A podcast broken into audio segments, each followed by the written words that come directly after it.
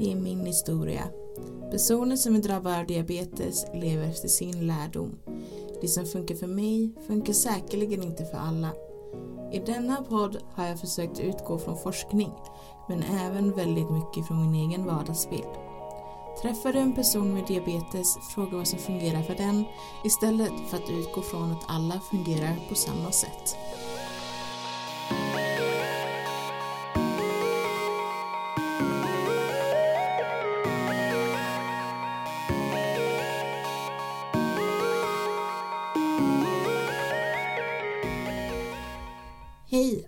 Välkomna till en diabetikers historia. Jag heter Johanna Hultman och jag ska berätta min historia om hur det är att leva med diabetes typ 1. Tanken med denna podd är inte att folk ska tycka synd om mig utan mer för att folk ska förstå att livet inte är en dans på rosor. I varje avsnitt kommer ni att få höra en del av min historia sedan kommer vi diskutera och förklara vad som sagts. Men nu sätter vi igång. Förra veckan slutade med att jag blev utskriven från sjukhuset. Här kommer del två i min historia.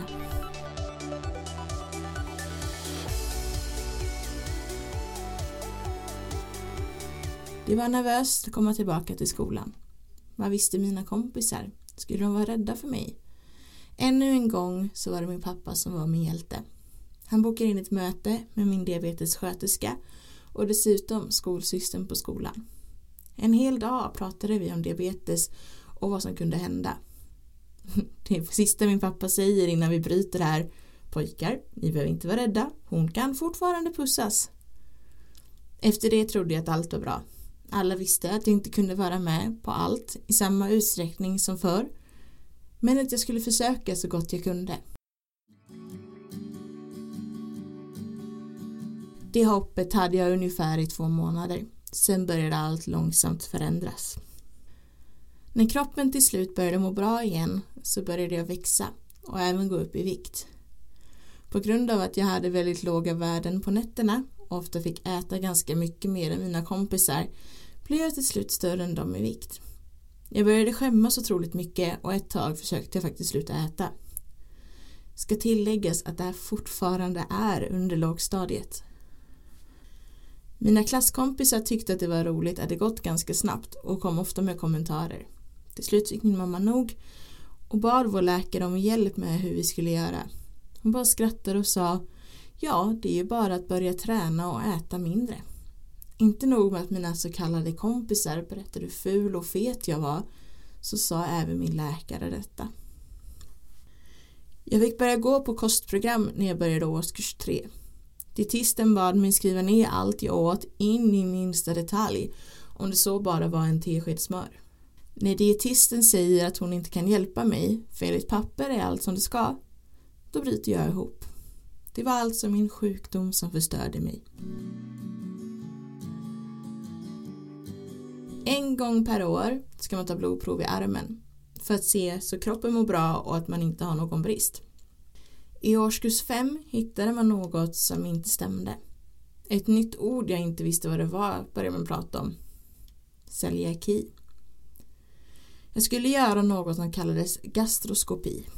Okej, okay, som 11-åring fattar man ingenting men det är ju säkert jättebra. Det är bara ett blodprov till eller något. Men så fel jag hade. En hel dag fick jag ligga på sjukhuset med mamma för att de skulle skicka ner en liten köttbulle på spaghetti i magen som man så fint sa. En liten sändare som skulle ta prov på mina tarmar. Allt det gick väl någorlunda smärtfritt tills man skulle dra upp sändaren igen. Då använde man den sladd som den satt fast i, tydligen spagettin, och drog med full fart uppåt. Minns fortfarande smärtan och hur kräksreflexen satte igång. När läkaren berättade att mitt tarmludd var helt slätt, då blev mamma överlycklig. Tills läkaren sa att nej, så ska det ju verkligen inte vara. Johanna är jättesjuk. Han berättade att vanliga symptom på celiaki var att man magrade. Så tittade han på mig, tittade sina papper, tittade på mig igen. Till slut sa han, ja, vissa är ju undantag. Jag fick nu alltså lära mig att när man inte tål gluten men ändå äter det så minskar man i vikt i raslig fart om man inte var ett litet fetto som jag. Tänker nu in er i min situation. En tjej som älskar skolan, som har fått diabetes och blir retad för det. En tjej som är lite överviktig, som får celiaki fast hon inte borde. En person med diabetes som äter glutenfri kost, vilket innebär en massa mer kolhydrater som gör att man får högt blodsocker. En person med diabetes som tar en massa enheter insulin för att slippa att få högt blodsocker och blir istället låg och måste äta mer. Sedan kom jag in i tonåren, vilket alla vet är en jobbig tid i sig. Kroppen förändras och man får humörsvängningar. Att gå igenom det som diabetiker gör inte saken lättare.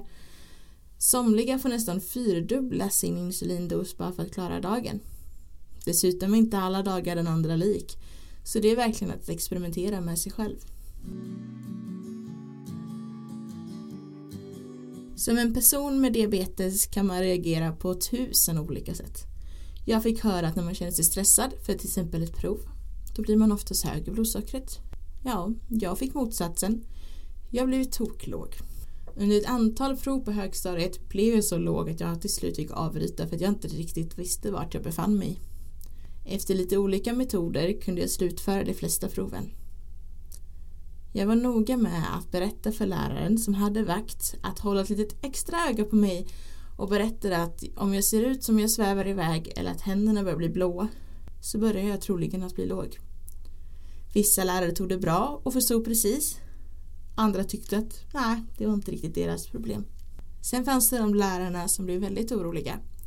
En lärare på gymnasiet som hade sett mig en gång när jag blev så låg att mina kompisar fick hjälpa mig att hämta socker. Han tog det väldigt hårt. Han kunde fråga mig x antal gånger om allt var okej. Han kunde även komma fram på rasterna. Jag är så oerhört tacksam att han faktiskt vågade fråga och tog sig tid att hålla koll på mig. Men jag var mer orolig för honom. Tänk om han blev så orolig att han faktiskt skulle kunna braka sönder. Vad skulle jag göra då? Från det att jag blev sjuk till ungefär mitten av högstadiet så använde jag insulinsprutor. Det innebär att två gånger om dagen så tog jag en spruta i benet. Varje gång jag skulle äta så tog jag en spruta i magen. Skulle jag ha högt blodsocker så fick jag ta en spruta för det. Som ni kan förstå så blev det ganska många sprutor ett tag. Mitt diabetesteam försökte pusha mig för att jag skulle gå över till en insulinpump ganska länge. Jag hade hört så många nackdelar om den. Det var lätt att fastna med sladden så att allting bara skulle åka ur kroppen och man skulle få jättestora sår. Och den var klumpig. Man hade en extra höft och man skulle se tjock ut. Och, ja, det fanns så mycket som gick emot för att jag skulle ta den här pumpen. Men till slut så bytte jag. Jag bytte till pump och det gjorde allt i hela mitt liv mycket enklare. Visst, jag fick en extra höft men den gick faktiskt att dölja ganska bra. Visst, man kan fastna i dörrar och dra ut, fast man drar oftast bara ut nålen. Inte hela kroppen, som jag hade fått för mig. Det kunde bli lite sår, absolut, men det läkte fort. Så jag är väldigt stolt och tacksam för att jag faktiskt bytte till en pump. Det gjorde att hela mitt blodsocker blev mer stabilt. Under gymnasiet skulle jag byta från barn och ungdom till vuxenavdelningen på sjukhuset. Jag hade ett väldigt bra HbA1c, ett långtidsvärde för att se så att jag skötte mig. Däremot var jag lite dålig på att följa den så kallade lagboken. Jag tog oftast insulin efter att jag ätit istället för att räkna ut hur mycket insulin maten skulle kräva. Så åt jag lugn och ro och sedan tänkte jag, hmm, jag åt lite lagom, detta blir nog bra. Det funkade för mig, men mina läkare avskydde att jag gjorde så här. Jag tyckte heller inte om att ta blodsocker. På morgonen efter frukost, före och efter lunch, innan skolan slutade, när jag kom hem från skolan, före och efter mellanmål om jag åt något sådant, annars var jag bara tvungen att ta ett blodsocker för att se så jag klarade mig. Före och efter middag, två timmar innan jag skulle sova och precis innan jag somnade, helst någon gång under natten också bara för att vara på extra sidan. Det var lite för mycket. Jag orkade helt enkelt inte ta så mycket. Så jag tog blodsocker när jag vaknade och när jag gick och la mig och ibland när jag kände mig lite dålig. Detta var det värsta man kunde göra enligt mina läkare. De hade krismöte om hur de skulle göra. En diabetiker med bra HbA1c men som fuskade så mycket. Hon borde ju ta överdoser och bli låg för så här kan man inte leva. Enligt min sköterska så hade det tagit dem tio år att inse att jag misskötte min sjukdom. Och de var oroliga för att om de släppte upp mig på vuxenavdelningen så skulle det ta den nya sköterskan minst lika lång tid att se hur dålig jag var och då kanske det redan var för sent. Så jag blev skickad till barnpsykiatrin. Just då kändes det som att hela världen var emot mig. Jag hade ju faktiskt inte gjort något fel. Jag försökte bara leva ett så normalt liv man kan trots att man har diabetes. På barnpsykiatrin fick jag höra att jag var tvungen att gå dit minst tre gånger. Det var psykologen som skulle avgöra om det behövde bli fler. Vi började prata om hur jag mådde och hur mina dagar såg ut. Sedan frågade hon vad gör du för annorlunda jämfört med vad din läkare tycker att du ska göra? Mitt svar kom direkt att jag vill leva ett normalt liv så jag spenderar inte hela dagen med att ta blodsocker och tänker på vad jag äter utan jag känner efter hur jag mår. Hennes svar? Du låter som en riktigt klok människa. Varför i hela friden har de skickat dig hit? Det gäller ju att ta sjukdomen för det den är och göra så gott man kan på sina egna villkor. Har något annat att prata om? Dessa tre tillfällen pratade vi om allt mellan himmel och jord. Kärlek, svek, familj. Ja, lite diabetes blev det väl ändå.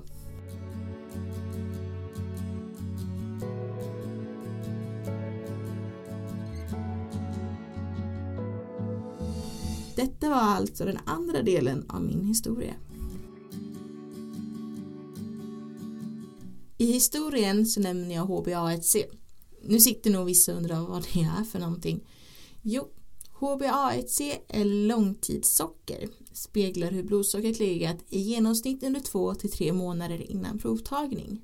HbA1c mäter hur mycket socker som fastnat på hemoglobinet i de röda blodkropparna. Vid högt blodsocker fastar mer socker än vid lågt. För personer under 50 år är HbA1c-värdet hos en frisk person normalt inom området 27 till 42 millimol per mol. För personer över 50 år så är det 31 till 46 millimol per mol normalt. För en person med diabetes är målsättningen att ha ett HbA1c under 52 millimol per mol. Är man diabetiker och funderar på att bli gravid då eftersträvar man ett HbA1c under 52 under en tid innan själva graviditeten. Och under själva graviditeten så eftersträvar man ett värde på 47. Enbart för att detta kan göra att barnet blir för stort eller kan få missbildningar. Det är även viktigt för en person med diabetes att ha ett så lågt HbA1c man bara klarar av för att undvika komplikationer och andra missöden som kan göra att livet blir kortare.